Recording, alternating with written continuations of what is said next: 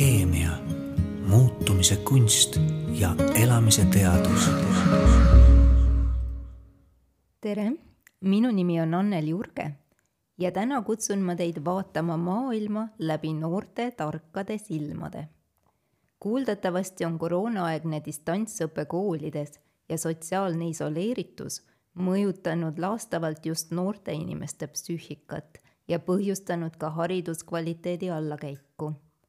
Olen kuulnud, et Eesti lapsevanemad kurdavad, kuidas ülikoolid mitmel pool maailmas on justkui muutunud ülikalliteks Netflixi sarnasteks voogedastusteenuse pakkujateks. kodudiivanil omandatud hariduse kvaliteet on aga küsitav ja selle tase selgub alles hiljem kuidas hindavad olukorda aga noored ise?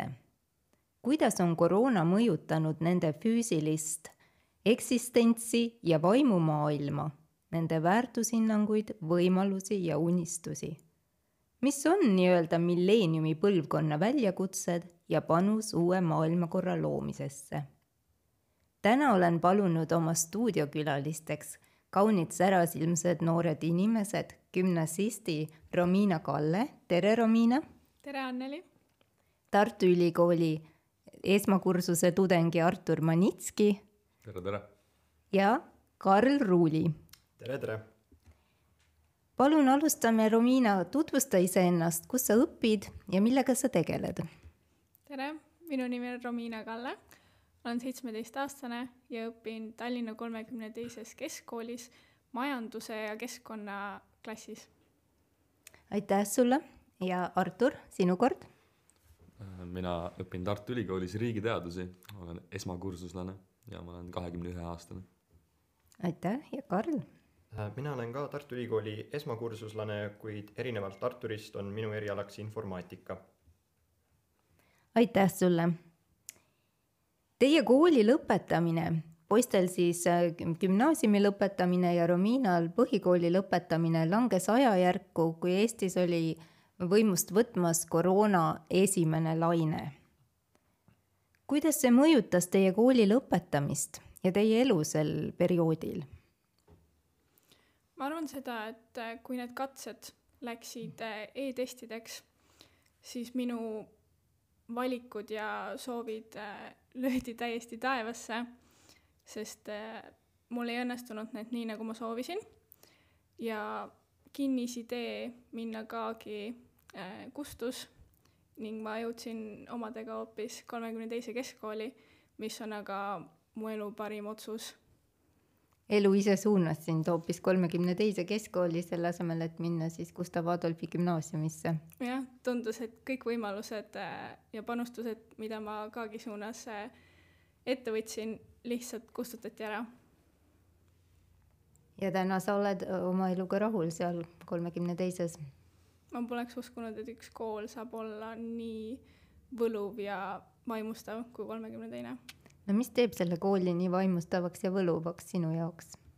inimesed, sinna satuvad äh, väga sarnaste eluvaadetega, samas ka nii erinevad, kes siis äh, hoiavad üksteist ja panustavad kõik ühise eesni-, eesmärgi nimel, et see kool oma mainega ainult äh, tõuseks tähtede poole. nüüd poisid, teie lõpetasite samal ajal gümnaasiumi ja kuidas see mõjutas teie elu? täitsa huvitav on tegelikult tagasi mõelda sellesse aega, tundub nagu iidne minevik. aga kui tähtedest juttu tuli, siis äh, Jakob Vestelmi gümnaasiumis käisin mina ja meie kooli moto oli per aspera ad astra ehk siis äh, läbi raskuste tähtede poole. ja võiks öelda, et see koroona siis äh, ka reaalselt lõi sellise olukorra, kus pidi läbi raskuste püüdlema heade tulemuste poole ja gümnaasiumi lõpetamine, ma usun, on iga noore jaoks väga oluline periood elust, kus äh, peale seda tuleb teha otsus, mida edasi teha.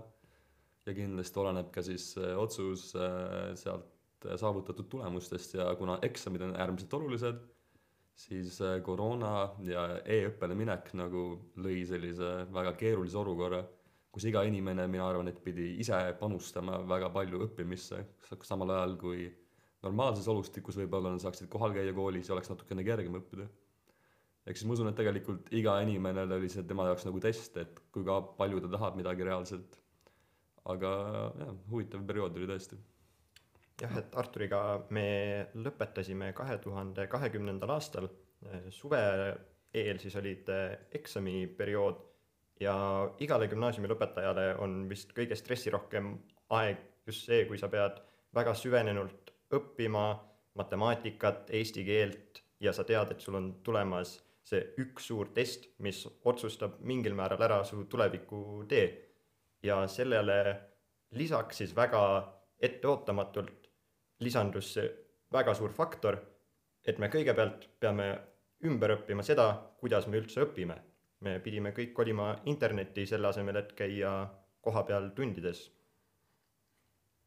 Kuidas te suhtute nüüd sellesse, mida siin Eestis arutatakse, et põhikooli lõpueksamid üldse ära jätta, et kuidas siis gümnaasiumiharidust väärtustada sellisel juhul? noh, tegelikult seda küsimus ei ole nende ärajätmine, vaid vist, et põhikooli õpilane saab lõpetada, kui ta lihtsalt ilmub eksamile kohale, ehk siis ta ikkagi teoorias peab selle nagu tegema, aga see tulemus nagu ei ole oluline. ja minu arust äh, see ei ole hea mõte, et ikkagi eksamid võib-olla on sellised äh, väga negatiivse stigmaga asjad ja aga lõppkokkuvõttes ikkagi need nagu näitavad, mida sa oled õppinud selle perioodi jooksul ja võib-olla eksami tulemusi peaks võib-olla vähem kasutama sellist äh, tulevikku määravateks asjadeks, aga mingil määral on eksamid kindlasti olulised. Romina, kuidas sulle tundub, kas eksamid on olulised?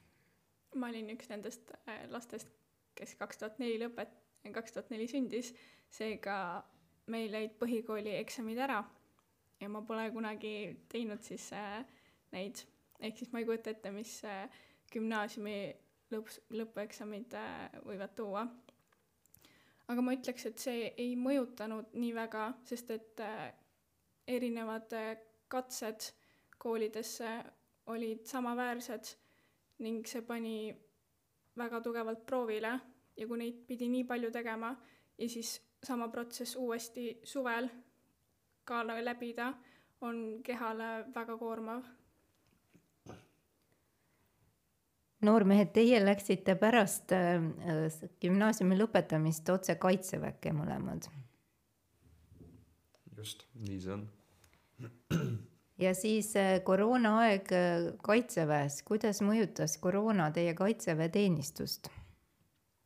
vägagi mõjutas, et äh, mina olin äh, oktoobris äh, kaitseväkke minnes järjest äh, Võrus kohapeal üksteist või kaksteist nädalat, mil mil mind, meid ei lastud koju lihtsalt sel põhjusel, et oleks väga suur võimalus, et keegi tuleks tagasi haiguse kandjana. ja see oli, see mängis väga suurt rolli kõikide poiste enesetundel, motivatsioonil tujud olid vägagi kõikuvad ja jah, see kõige meeldivam kogemus ei olnud, ma arvan, et kellelegi. ma nõustun täielikult, et ma arvan, et see oli emotsionaalselt väga keeruline, sest äh, see on nagunii uus keskkond, kõik, kus on äh, ja koduigatsus võib peale tulla mõnel inimesel. ja siis, kui noh, me teame, et äh, need, kes on meist varem käinud, need linnaload, asjad on olemas, et saab ikkagi kodus, kodu ka külastada. Aga siis koroona pärast nagu muutus olukord selliseks, et lõpuks äh, me saime esimest korda linnaloale alles jõulude ajal. ehk siis äh, pidi, jah, keeruline olukord oli. no olukorrad lähevad aina keerulisemaks, kui kuulata uudiseid, mis toimub Vene-Ukraina piiril, siis see teeb kindlasti väga ärevaks kõiki. Tänases äh, uudises mm, oli kirjas, et äh, ka Eesti Välisministeerium kutsub kõiki Eesti kodanikke Ukrainast koju. kuidas teie, noormehed, kes olete äsja kaitseväe treeningu läbinud, suhtute praegusel sellesse kriisiolukorda ja kuidas see teid tundma paneb? minul isiklikult on äh, väga hea kõrvalt vaadata seda, kuidas tõesti liitlased on läinud Ukrainale appi, kuidas Eesti reageeris sellisele olukorrale väga kiiresti ja me ei, me ei saa peita seda, et äh, Eestil võimalikus äh, hädaolukorras on kindlasti vaja abi NATO-lt ja Ukraina näitel tundub, et kui kellelgi sellist abi vaja läheb, siis nad seda ka saavad. ma usun, et Ukraina peaks olema hoiatav näide kõigile äh, Venemaale piirnevate riikidega, ehk siis kui näiteks Eestil ei oleks läinud samamoodi, kui Eestil oleks läinud niimoodi, nagu praegu on läinud, siis äkki oleksime meie praegu samasuguses sarnases olukorras. ehk siis ma arvan, et see on äärmiselt oluline, et Eesti teeks koostööd oma liitlastega ja panustaks äh, NATO kaitsevõimesse. kas see on piisav? noh, muidugi see on piisav, aga et seda teha piisavaks, peavad kõik andma enda panuse lõppkokkuvõttes.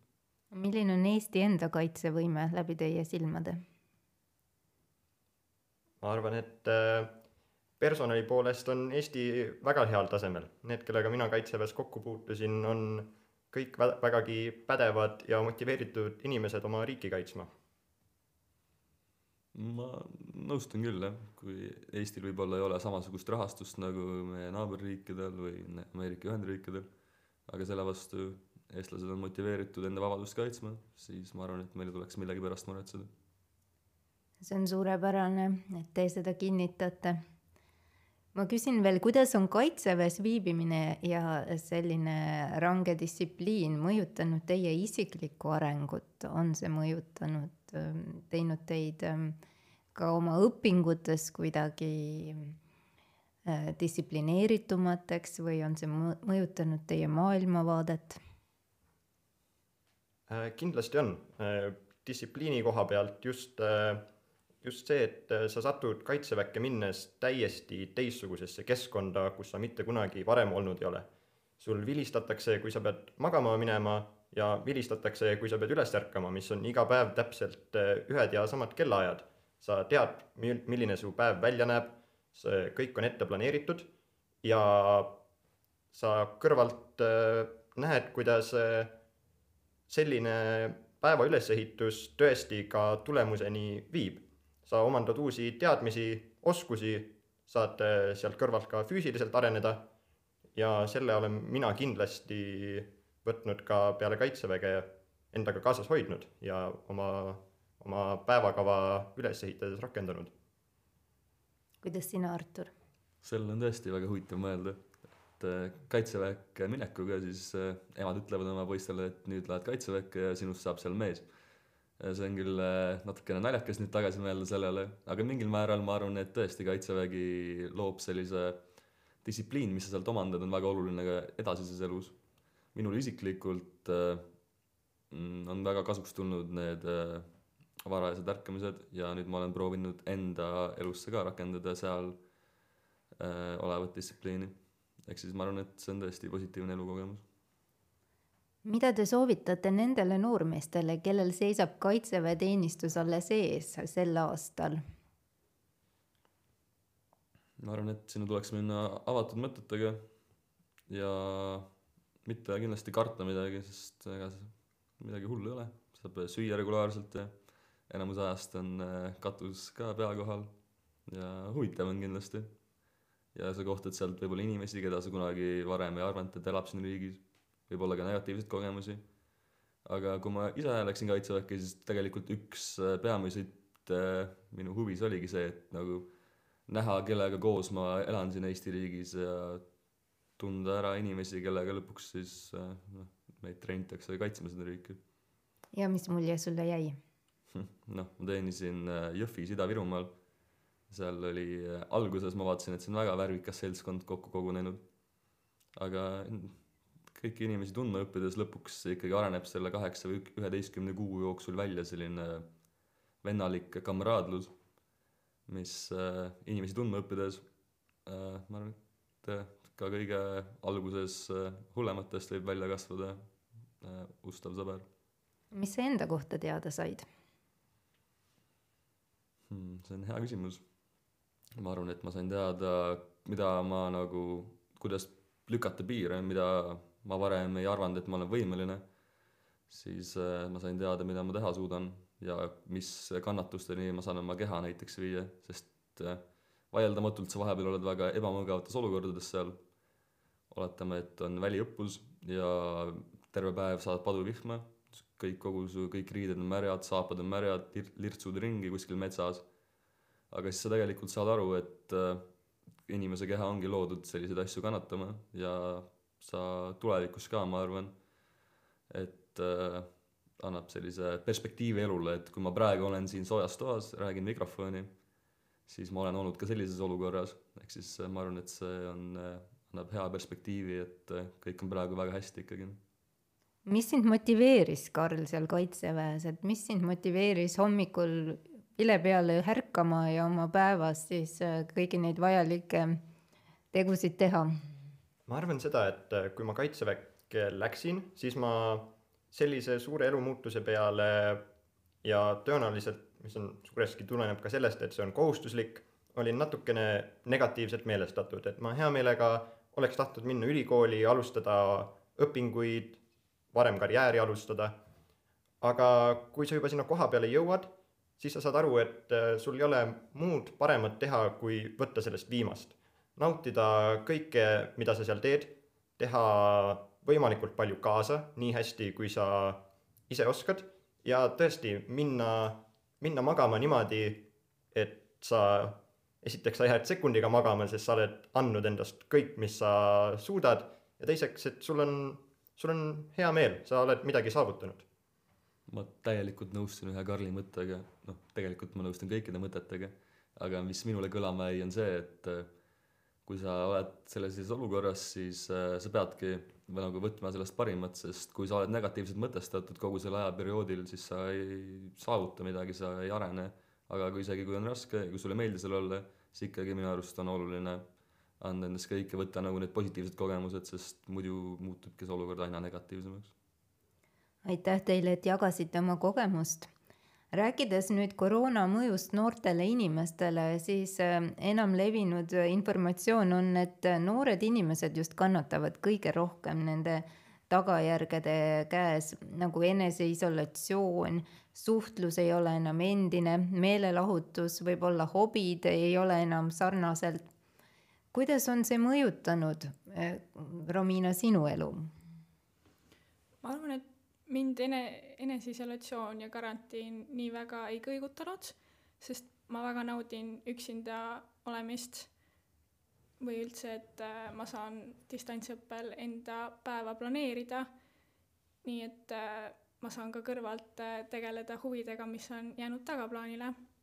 trennide koha pealt ma ei ütleks, et see nii väga midagi totaalselt muutis, sest et trennid said ikkagi Zoomis toimuda ja õpingud samamoodi. mis trennid Zoomis toimusid? ma käin võistlustantsus ning äh, Zoomi trennid olid tegelikult ainult esimesel perioodil, sest teisel äh, algaval koroonaperioodil äh, lubas valitsus koondisel ja koondise kandidaatidel siis trennis käia ja minu treener minu treeneri grupist siis kolm paari selle võimalusega said mina olin üks nendest. et sa oled Eesti koondises võistlustantsus? koondise kandidaat. aga kuidas need Zoomi trennid siis välja näevad võistlustantsus, see on ometigi tants, mida peab ikkagi kontaktis tantsima. seda küll, aga äh, ma arvan, et üksinda tantsides äh, just said katsetada oma piire, et kuidas sa saad hakkama ilma partnerita ja saavutad selle õige tasakaalu, mida sa tegelikult peaksid ka partneriga tantsides omama, mis aga oli üsna kesine ja andis võimaluse just nagu endale toetuda ja hakkama saada. aga kui sa pärast siis partneriga koos seda treeningust said harjutada, kuidas siis äh, tundus sulle, kas äh, sa olid piisavalt äh, ise treeninud Zoomis või, või oleks pidanud seda rohkem tegema?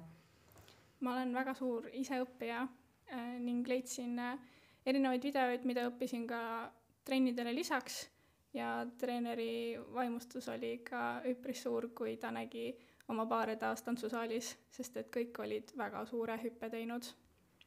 see on küll huvitav äh, lugu, et ka võistlustantsu saab Zoomi kaudu arendada, aga nii see on, nagu sinu jutust selgub aga räägi palun, Romina, mida koroonaperiood on veel sinu ellu toonud, on see äratanud ellu mingeid andeid, mida sa pole seni märganud või midagi, millega see on sinu elu rikastanud? ma arvan, rasketel perioodidel ma aina üha enam äh, märkasin, et ma hakkasin kirjutama üles oma mõtteid ja lugusid, mis viisid mind teekonnale, et äh, ma võtsin vastu otsuse gümnaasiumi äh, lõputööna kirjutada raamat, mida ma tegelikult lubasin endal juba mitmed aastad tagasi täide viia. ning nüüd olen oma unistuse lõpusirgel et sa kirjutad raamatut. raamatu käsikiri ja kõik on äh, juba valmis, jah, kirjutasin. mis raamat see on? see, tegemist on äh, noorteromaaniga, mis räägib esimesest armastusest ja perfektsionismist, sest ma olen terve elu olnud hästi suur enesekriitik ja väga suurte nõudmistega ja ma arvan, et äh, just see kooli muutus lõi mu vaat-, maailmavaate täielikult kõikuma, et äh, väga range enesedistsipliiniga ja pideva sundimisega tegelikult äh, ei võida mitte midagi, kui sa ei lase endal puhata. Sa võid ju kiituskirja saada, aga mis sa selle paberiga teed, kui sa ei oska elu päriselt nautida ja ei luba endal elada. nii et tuleks enda vastu leebe olla. kindlasti mis sinu raamatuga siis edasi saab, sul on käsikiri peaaegu valmis, on sul mõtet ka teda avaldada? ma arvan, et hetkel mitte, kuna see protsess äh, oli üsna kiire. et hetkel äh, see raamat jõuab äh, minu sugulastele ja tuttavatele ja pärast tagasisidet on mul võimalus seda teksti ka edasi arendada ja võib-olla tulevikus kunagi ühel heal päeval jõuab see ka avalikkusele no mina igal juhul väga ootan, millal see raamat valmis saab ja millal seda lugeda saab. jah, ma arvan, et alla kuu on äh, jäänud, kuni see tekst on päriselt kaante vahel.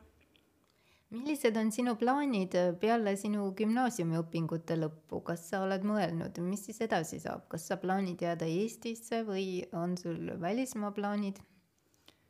ma arvan, et üsna suure tõenäosusega ma jään Eestisse sest et äh, mind ikkagi ei tõmba välismaa poole ja ma ei soovi äh, hüvasti jätta oma kallite inimestega, vähemalt esialgu.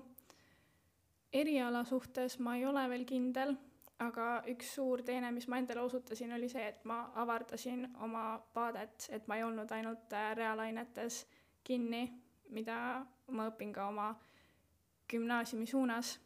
et kui ma avastasin endas selle loovama poole, et ma suudan päriselt kirjutada ja veel äh, niimoodi, et äh, see teeb mind väga õnnelikuks või siis äh, võib-olla avardan oma käsitööhuvisid ja liigun hoopis äh, moesuundadele, ehk siis äh, mul on kolm põnevat valikut.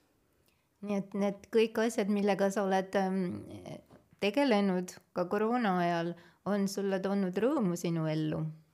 väga palju just nagu see eneseisolatsioon on pannud mõtlema, mida ma kõike selle vaba ajaga saan korda saata ja ära teha.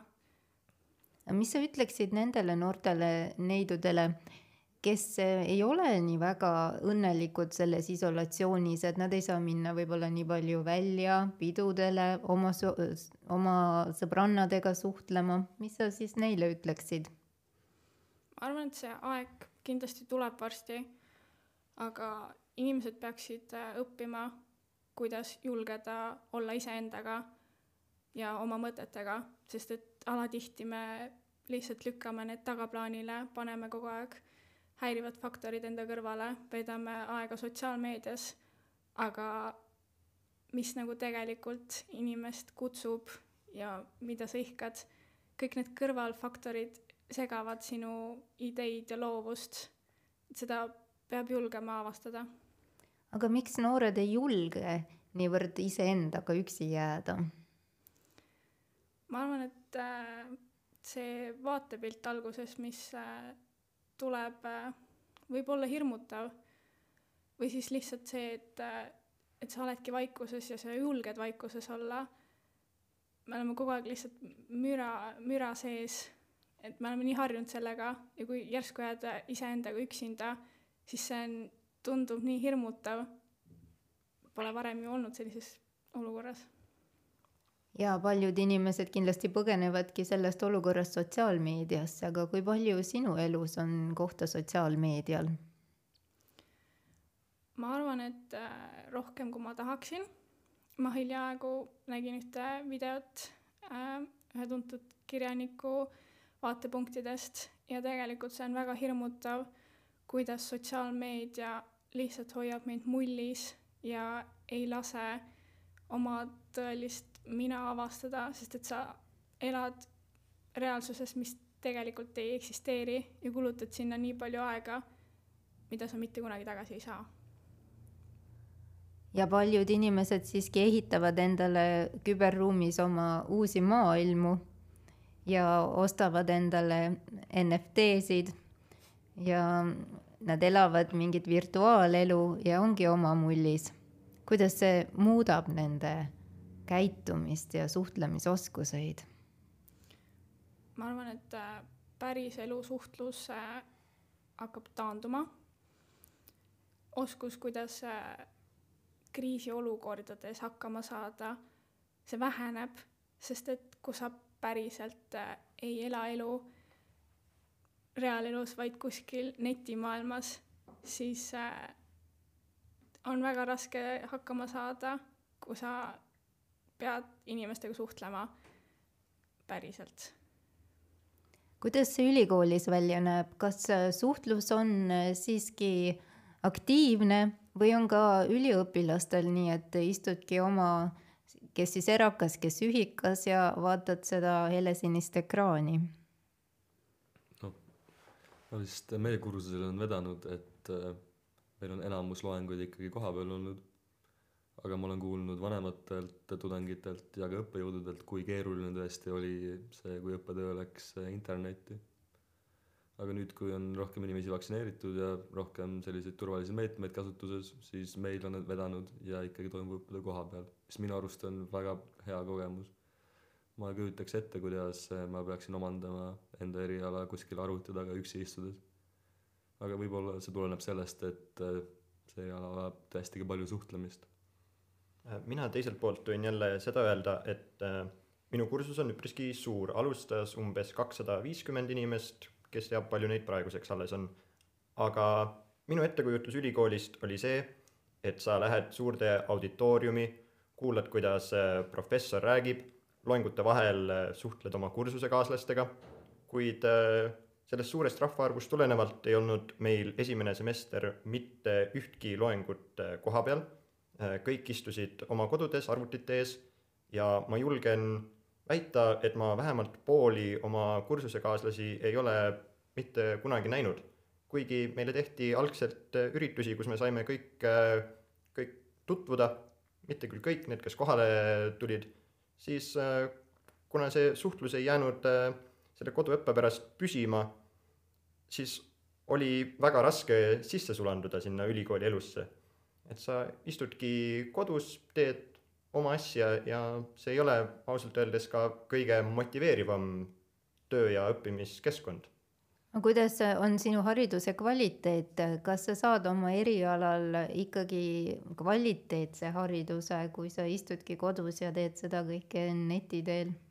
ma arvan, et koolide poolt on see võimaldatud nii, et see haridus on vähemalt sama kvaliteetne, kui ta oli varem küll aga peab iga õpilane, iga tudeng ise palju-palju rohkem vaeva nägema, et tal püsiks see õppimismotivatsioon, et ta suudaks kõik need teadmised omandada, et ta suudaks seda distsipliini hoida.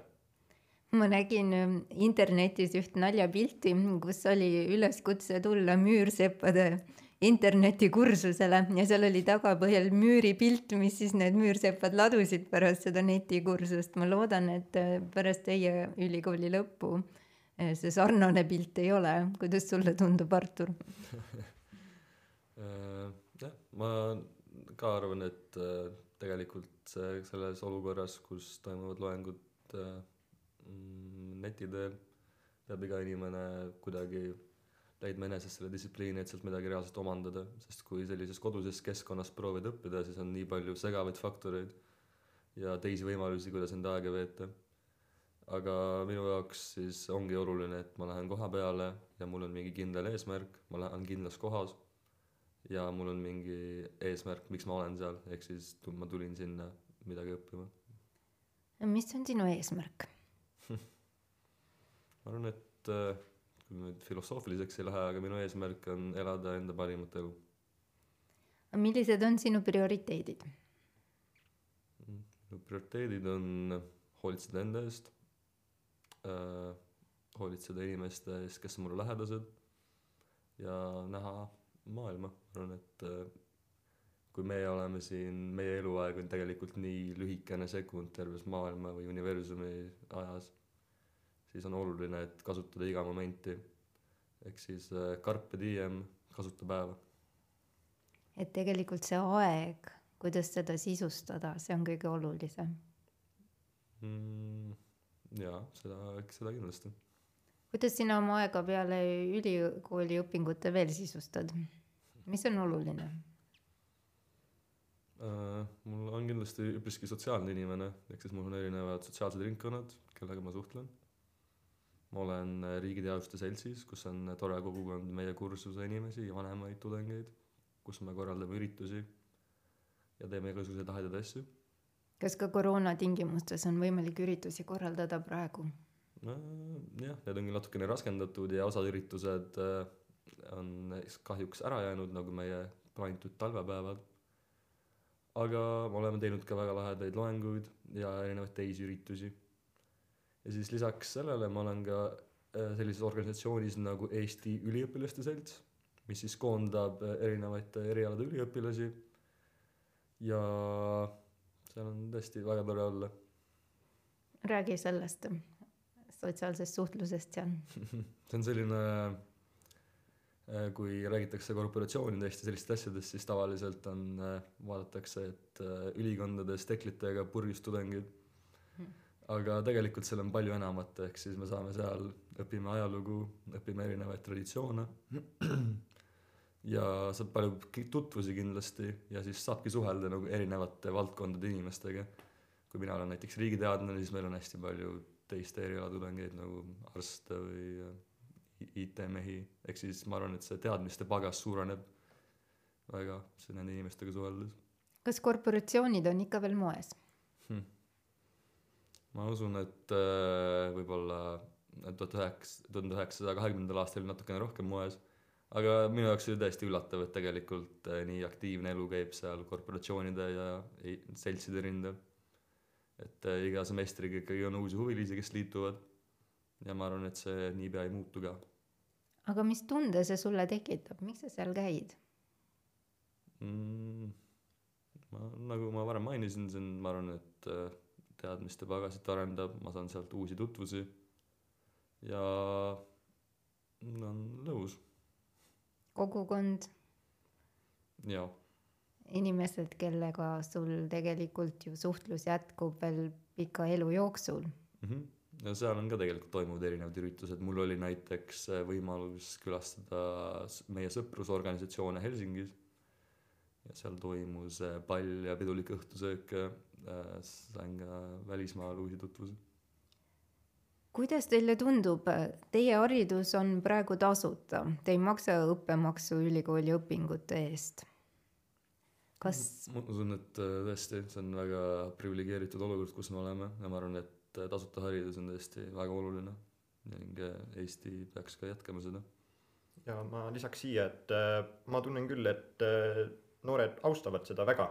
Et kui küsimus peaks minema sinna, et kas õppemaks peaks olema, et õpilased oleks motiveeritumad, et nad rohkem oma otsusi läbi mõtleks, siis ma ütleks, et ei, sest et tõesti, seda tehakse ka praeguses olukorras ja kõik on selle süsteemiga väga õnnelikud aga kas teil on võimalik äh, õppida nii-öelda äh, statsionaarselt ilma lisaks töötamata või olete te ikkagi sunnitud oma õpinguid ise rahastama ka mingil määral?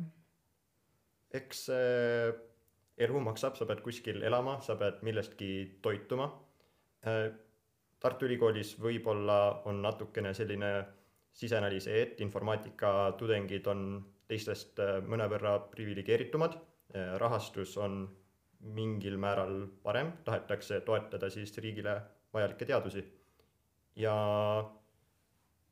ma ütleks, et äh, ülikoolis õppimine on äh, majanduslikus mõttes kindlasti võimalik äh, igasugustele Eesti inimestele. on erinevaid toetusi, mille abil saab väga hästi ära elada. nii et see ei ole puhtalt eksklusiivne väikese seltskonna nii-öelda meelelahutus? kindlasti mitte, ma arvan, et äh, igaühel, kellel on motivatsiooni ja tahtmist midagi õppida, on see võimalus Eestis olemas.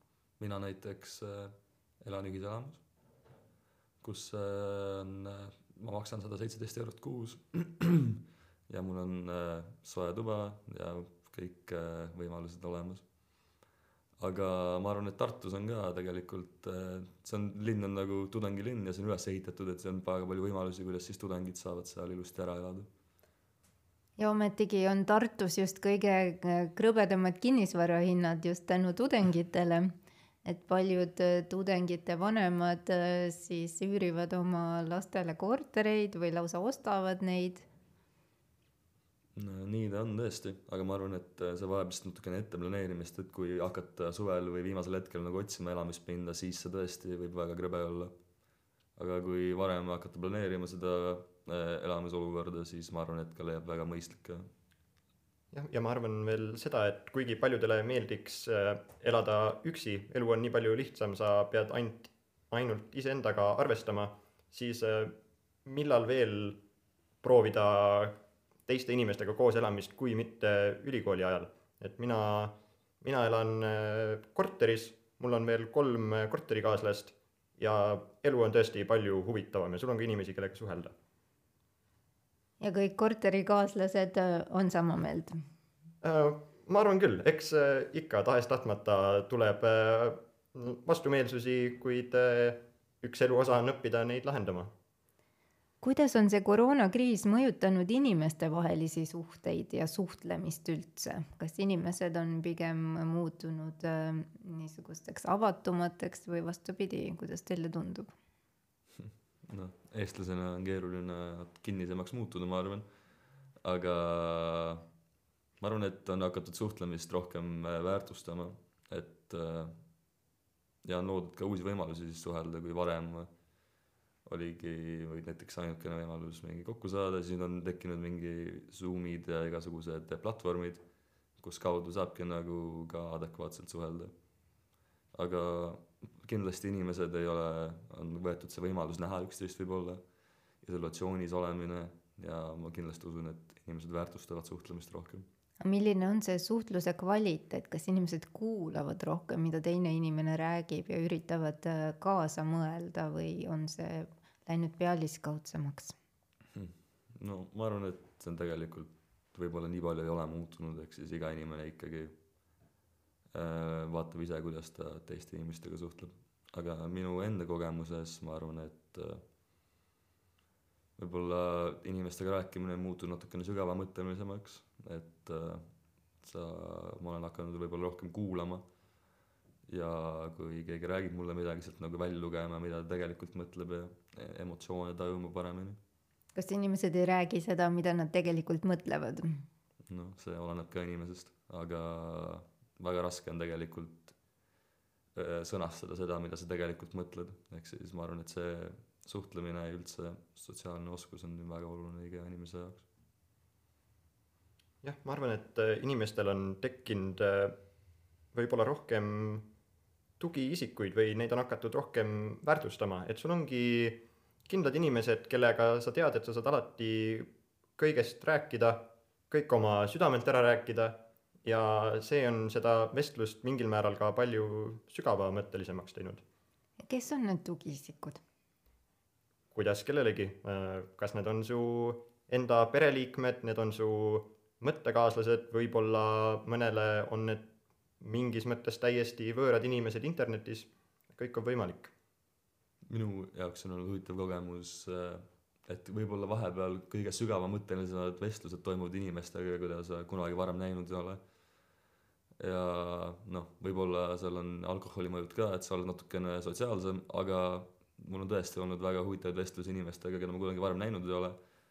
ja ma rääkisin nendega asju, millest ma nagu kunagi kellegi teisega ei räägiks. aga ma arvan, et mõnes mõttes see on ka sellest äh, äh, tuleneb, et sa nagu tead, et sa ei pea temaga kunagi edasi suhtlema, ehk siis järgmine päev nagu sa ei pea seda teemat edasi rääkima. ehk siis saad oma südamelt ära rääkida lihtsalt. Kas äh, noored inimesed käivad ka psühholoogi juures tänapäeval? no ma usun, et äh, kellel on sinna vaja minna, kindlasti käivad, aga minul endal kogemust ei ole. ma oskan seda öelda, et äh, käivad küll ja ma tunnen ühte psühholoogi, keda tudengid omavahel nii palju soovitasid ja kelle töökoormus seetõttu nii palju kasvas, et ta seetõttu pidi natuke ka hindu tõstma. aga mis teemadega sinna minnakse? ma arvan, et sinna minnakse peamiselt lihtsalt rääkima et see on üks koht, kus inimene saab rääkida lihtsalt äh, avatud kaartidega oma elust ja sellest, mis talle muret valmistab. just. kas äh, eeldatakse ka, et äh, sealt tulevad mingid lahendused või on see lihtsalt rääki tühjaks rääkimiseks? ma arvan, et tihtipeale keskmisel tudengil, keskmine tudeng ei lähe sinna väga kindla probleemiga, mida lahendada. Võib-olla on lihtsalt natukene raske olukord koolis või elus ja sinna minnakse natukene justkui aega maha võtma, et äh, mõelda enda peale, mõelda, mis meie ümber toimub. aga kui sa vaatad enda ümber, milline on see noorte inimeste meelsus praegu, kas äh, mõeldakse pigem äh, negatiivselt või, või kuidas sulle tundub? võib-olla palju on tekkinud, ma arvan, äärmusi Mm. Et äh, on inimesi, kes äh, kes tahavad äh, kes tahavad võtta praegusest olukorrast äh, siiski maksimumi, olla normaalsuse piires, äh, käia väljas, suhelda teiste inimestega, kuid on ka neid, kes, kes vaatavadki tervet seda asja väga negatiivselt, et terve maailm on, on ohus, kõik, kes väljas käivad, rikuvad ainult seda mingit nende peas olevat head tava ja teevad kõigi elu sellega halvemaks. kuidas on sinu kogemused, Romina?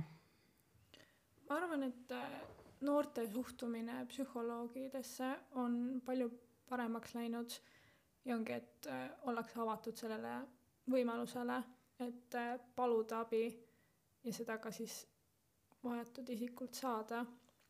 et ei karta enam selle maine pärast, et appikene, et kuidas see võimalik on, et ma ise hakkama ei saa. tegelikult on okei okay küsida abi. et noored enamasti arvavad, et see on okei okay.. jaa, pluss see abivõimalused on, ma arvan, muutunud kättesaadavamaks või siis see, et äh, koolis ka propageeritakse või siis äh, näidatakse võimalusi, kuhu ja kelle juurde saab pöörduda, kui on vaja mida sa ütleksid ähm, oma teekaaslastele, kellel on selliseid muresid, mida nad ei saa või ei taha võib-olla kodus rääkida või neil ei olegi selliseid sõpru, kellele seda rääkida, mis oleks sinu soovitus? ma arvan, et esiteks äh, ei ole mõtet hakata äh, kaugete tulevikuprobleemide pärast mure, muretsema, vaid elada olevikus ja võtta üks päev korraga aga kindlasti on vaja leida need äh, tugiisikud või siis, kui alguses ikkagi ei julge äh, kellegi poole pöörduda, siis äh, ikkagi kuidagimoodi need mured endast välja lasta, kas kirjutades, ma ei tea, iseendaga rääkides või siis ikkagi leida see teine inimene, keda sa usaldad. sest et kui sa jätad kõik need endasse, siis see mure lihtsalt ainult kerib pallina, kuni lõpuks on lumelaviin, mis plahvatab. kuidas noormeestel on sellega hm.? Uh, jaa, ma kindlasti arvan, et uh, kui kellelgi on emotsionaalseid probleeme, siis on õige pöörduda kellegi poole, kes saab sind aidata. aga samas ma leian, et tegelikult need probleemid nagu, nagu siin mainiti, võib-olla inimene peaks kõigepealt alustama endast ja proovida kuidagi muuta enda vaadet elule või enda mõtteviise ja kasutada mingeid meetodeid, näiteks päevikut pidada või mediteerida või filosofeerida isegi. et äh, kuidagi ise parandada enda elukvaliteeti no palju on abi ka igasugustest raamatutest, kus äh, on, kui lugeda, siis saab ka oma vaatenurka vastavalt muuta. kas tänapäeva noored loevad niisuguseid äh, äh filosoofilisemaid äh, raamatuid ka? no mina enda suhtlusringkonnas arvan, et kindlasti inimesed loevad, aga noh, riigiteadlasena sa peadki hästi palju lugema, see on eeldatav. aga minule isiklikult tõesti meeldib lugeda erinevaid filosoofiaid ja mõtestada enda jaoks need lahti ja vaadata, kas need näiteks sobiksid ka midagi, mida minu elusse rakendada. No kes on näiteks äh, sinu nii-öelda gurud või õpetajad siis? No ma ütleksin, et praegu minu suurim õpetaja on Marcus Aurelius, kes on küll juba üle kahe tuhande aasta äh, ei ela, aga ma arvan, et tema mõtted mida ta ise ei kirjutanud küll raamatuna, vaid enda lihtsalt äh, päevikuna või isegi, on edasi elanud kogu selle perioodi ja nüüd tänapäeval inimesed saavad nendest lugedes kuidagi äh, häid mõtteid, perspektiive elule ja eneseabi. ma arvan, et äh, ta on väga suure jälje jätnud enda filosoofiaga terve inimajalukku ja stoitism on äh, üks asi, millest ma lähtun oma elus aga kui tulla nüüd äh, Marcus Aureliuse aegadest siia tänapäeva, kas on ka mõned niisugused uuemad äh, arvamusliidrid, kelle arvamusest noored täna juhinduvad hm.? Mm, noh, selline huvitav inimene minu jaoks on äh, üks Kanada psühholoog Jordan Peterson, kes on saavutanud kuulsuse kuidagi läbi interneti enda lihtsalt mõtteid jagades või jagades enda ülikooli loenguid teda mulle meeldib kuulata, ta on väga, räägib tarka juttu.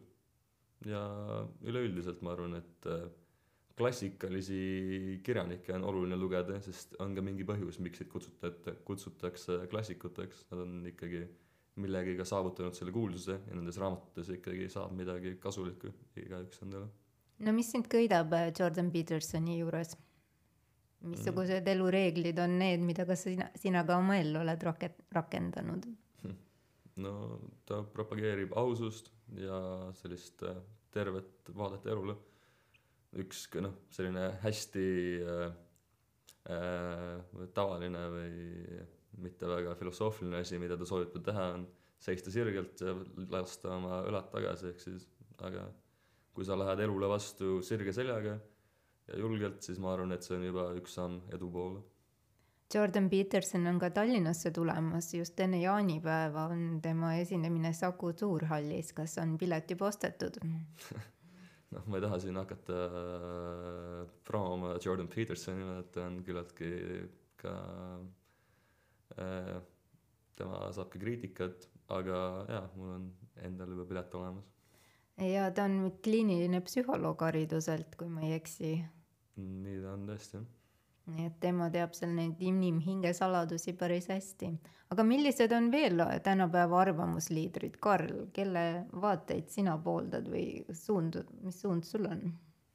ma pean raamatute koha pealt mainima seda, et äh, mina isiklikult võib-olla vaatan kõike natuke liiga kitsalt praegu, ma väga imetlen inimesi, kes panevad väga suurt rõhku enesearengusse loevad selle kohta väga, kuid äh, juba ma arvan, et enne ülikooli astumist oli minul mõttes see, et mul on üks eriala, mida ma lähen õppima, millega, mis mulle väga-väga meeldib ja millega ma oma tervet tulevikku tahan siduda. nii et praegusel ajal ei ole ma suutnud väga palju muule kui sellele erialale mõelda, ehk siis ka loetud kirjandus baseerub suurel osal vägagi teaduslikul tekstil rääkides veel elust ja õpetajatest ja arvamusliidritest, Romina, milline on olnud sinu elu kõige suurem õppetund või kes on olnud sinu kõige säravam õpetaja? ma arvan, et äh, on palju inimesi, kes äh, tuleb äh, ellu ja hakkab õpetama, kuid need kõik inimesed on toonud perioodilisi õppetunde mis aga lõpevad mingi hetk, kui õppetund on siis saavutatud või läbitud. aga kui võtta elu ise, siis äh, inimesed küll õpetavad perioodiliselt, aga elu ei puhka ja iga uus päev toob uue väljakutse, uue eesmärgi, mille poole pürgida. varsti on käes jälle meie vabariigi aastapäev. Mis tundega te lähete sellele aastapäevale vastu? mm,? noh, hea tundega, tore on mõelda, et äh, selline asi nagu Eesti riik on siin ja vaatamata kõikidele ajaloo raskustele on eestlased ikkagi veel siin maamuna peal, jah. jah, pean, pean Arturiga igati nõustuma. hea tunne on olla eestlane ja näha, kui palju on toredaid inimesi meie ümber siin samal, samas riigis mida te soovite Eestile? jõudu ja jaksu. edu ja pikka elu. et see riik ikka kestaks veel sadu aastaid. mida saab teie arvates igaüks juba täna ära teha, et see riik ikka pikki aastaid veel kestaks, et maailm oleks turvalisem paik ja elu parem? noh, ma arvan, et noored inimesed hariduse saamine ja ühiskonda panustamine on kõik, mis me teha saame tegelikult. et äh, äh, räägitakse, et probleem on, et eestlased tahavad Eestist ära minna, välismaal on paremad võimalused, saab äh, rohkem äh, töö eest raha. aga olles uurinud seda teemat, on tegelikult viimastel aastatel näha, et üha rohkem eestlasi tegelikult jääb siia ja aina rohkem tuleb isegi välismaalt inimesi Eestisse tööle ja mitte ka väga professionaalseid erialainimesi, mitte ainult äh, selliseid madalama tasuga töökohtadel inimesi. jah, mina ka täielikult pooldan välismaal parema hariduse saamist, kui see tähendab seda, et seda tullakse tagasi Eestisse rakendama. Ja ma arvan ka, et kindlasti välismaal töötamine on mingi koge-, kogemuse omandamine on oluline ja siis panna see kogemus nagu tagasi tulles tööle, kus su äh, kodu on. et kui rääkida tulevikust, siis teie näete pigem oma tulevikku Eestiga seoses? me oleme veel piisavalt noored, et mina enda ko-, kohta ei julge lähituleviku kohta veel midagi öelda, mul suur soov oleks äh, minna peale bakalaureuseõpet end äh, rohkem spetsiifilisemalt harima välismaale, kuid ma arvan, et peale seda on minu elu kindlasti Eestis? no raske on ennustada, aga ma arvan, et äh, ma olen siin sündinud ja see on alati oluline osa minu elust. aga see ei välista kindlasti ka maailma avastamist ja seal oma elu veetmist, kuna lõppkokkuvõttes ikkagi terve maailm on inimesele valla, mitte ja ei saa piirduda ainult sellega, kus sa sündisid nii et see geograafiline punkt enam tulevikus ei oma nii suurt tähtsust, kus siis äh, no, elada. see geograafiline punkt tegelikult ei tähenda mitte midagi, nagu sa oleks võinud sündida ükskõik kus, on see kogemused, see emotsioon, mis sul on selle kohaga assotsieerub, mis on oluline. ja kui see on hea, kui sa tunned, et sa oled kodus siin, siis see on oluline, mitte see, et äh, ju juhtus niimoodi, et ma sündisin siin. ja see on üks rahvusluse äh, huvitav osa minu jaoks no kui väita, et miski pole juhuslik, siis kõik on millekski hea. no noh, kas just saab väita, et miski ei ole juhuslik, aga ma arvan, et äh, kõik, mis juhtub, on loodud juhtuma nagu. kuidas sina näed ennast umbes kümne aasta pärast, Romina? ma loodan, et kümne aasta pärast äh, ma olen ikka veel äh, suur unistaja ja loodan äh, elult parimat, elult parimalt, ehk siis äh, minu muinasjutuline lähtumine ellu ei ole kadunud ning äh, ma pürgin ikka unistuste poole ja teen seda, mida ma tõeliselt armastan, sest just kirg viib äh, meid elus edasi. mida te soovite öelda oma vanusekaaslastele, kes on praegu või on olnud varem raskustes koroonakriisiga toimetulekul ja samuti pidevate elumuutuste keerises. mis on teie sõnum oma vanusekaaslastele? ma arvangi, et öö, äh, oma mõtted, tulevikuplaanid tuleb äh, kõik rahulikult läbi mõelda, kindlasti kaaluda erinevaid võimalusi, mitte jääda väga kinnisesse vaatespektrisse ja leida, leida endale midagi, kas siis hobi või tuleviku eriala näitel, mis tõesti väga meeldib, mis, mis esiteks paneb end hästi tundma ja teiseks on võib-olla ka kasulik teistele. Karl rääkis väga head praktilised punktid aga mina räägin siis võib-olla natukene midagi filosoofilisemalt, ma arvan, et äh, praeguses äh, keskkonnas ja ühiskonnas üldse on nii palju liikumist ja kõik on hästi kiiresti liigub ja inimestel on nii palju mõtteid peas, mida ta nagu ei suuda lahti mõtestada endale ja surub alla, nii et äh, minu arust inimestel on vaja enda jaoks lahti mõtestada kõik need keerulised pusad, mis peas tekivad ja elada selles ühes momendis, sest lõppkokkuvõttes on oluline nagu see hetk praegu. Ja oleviku ain-, hetk on ainus hetk, kus olla. minevik on juba läinud ja tulevik ei ole veel tulnud. just nii. ma tooks välja selle, et äh, kui ainult keskenduda sellele negatiivsusele, nendele raskustele ja ebamugavustundele, siis tegelikult see ei ole halb. just need raskused viivad ju elus edasi, panevad pürgima paremuse poole ja arendavad meid inimestena. sest väga hea on istuda soojal kohal, jalg üle põlve ja lihtsalt nautida, aga see ei vii tulemusteni, see ei vii ühiskonda edasi. minu üks huvitav meetod, kuidas valmistada ennast päevaks ette peale ärkamist, on võtta enda jaoks mingi ajaperiood, viis minutit, panna silmad kinni ning mõelda selle peale, kõige peale, mis võib täna valesti minna ehk siis äh, mõelda põhimõtteliselt kõik olukorrad, mis sul täna ette tulevad ja mis läheb, võib kõige hullem asi, mis võib juhtuda olla. Ja siis see valmistab sind ette, et kui midagi läheb halvasti, sa oled nagu valmis selleks. et äh, kui sa, et siis negatiivsus on nagu oluline mõista seda.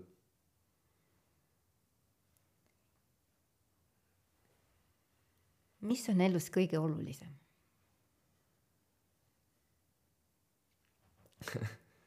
see on äh, keeruline küsimus, aga ma ise usun, et ma veel kahekümne aastasena on keeruline öelda, vastata sellele küsimusele.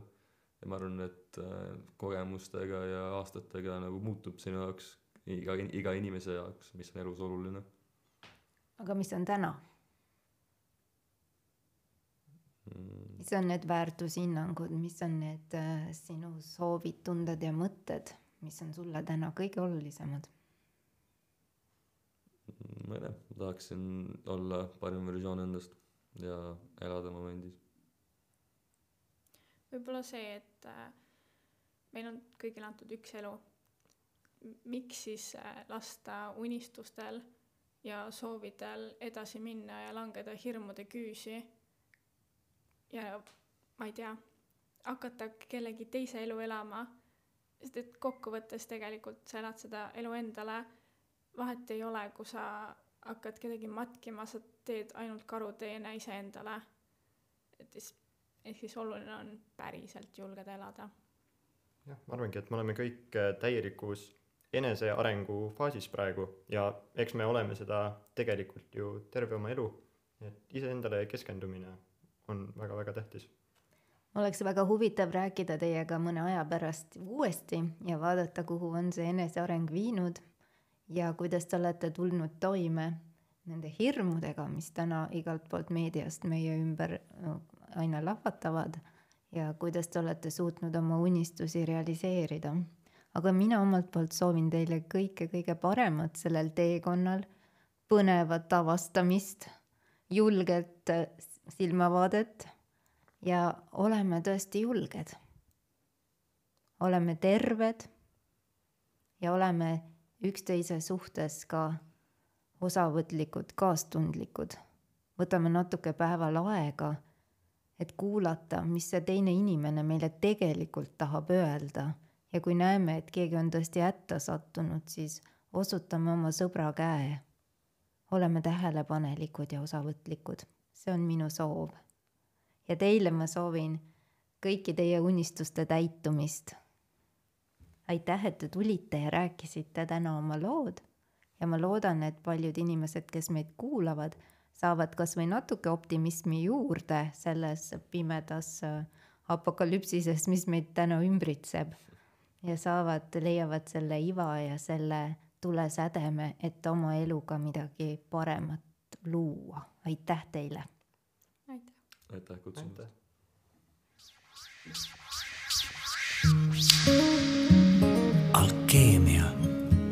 muutumise kunst ja elamise teadus. alkeemia taskuhääling toob teieni huvitavat ja harivat keha, hinge ja meele vallast. kuula ja loe alkeemia.ee, leia meid ka Facebookist ja Instagramist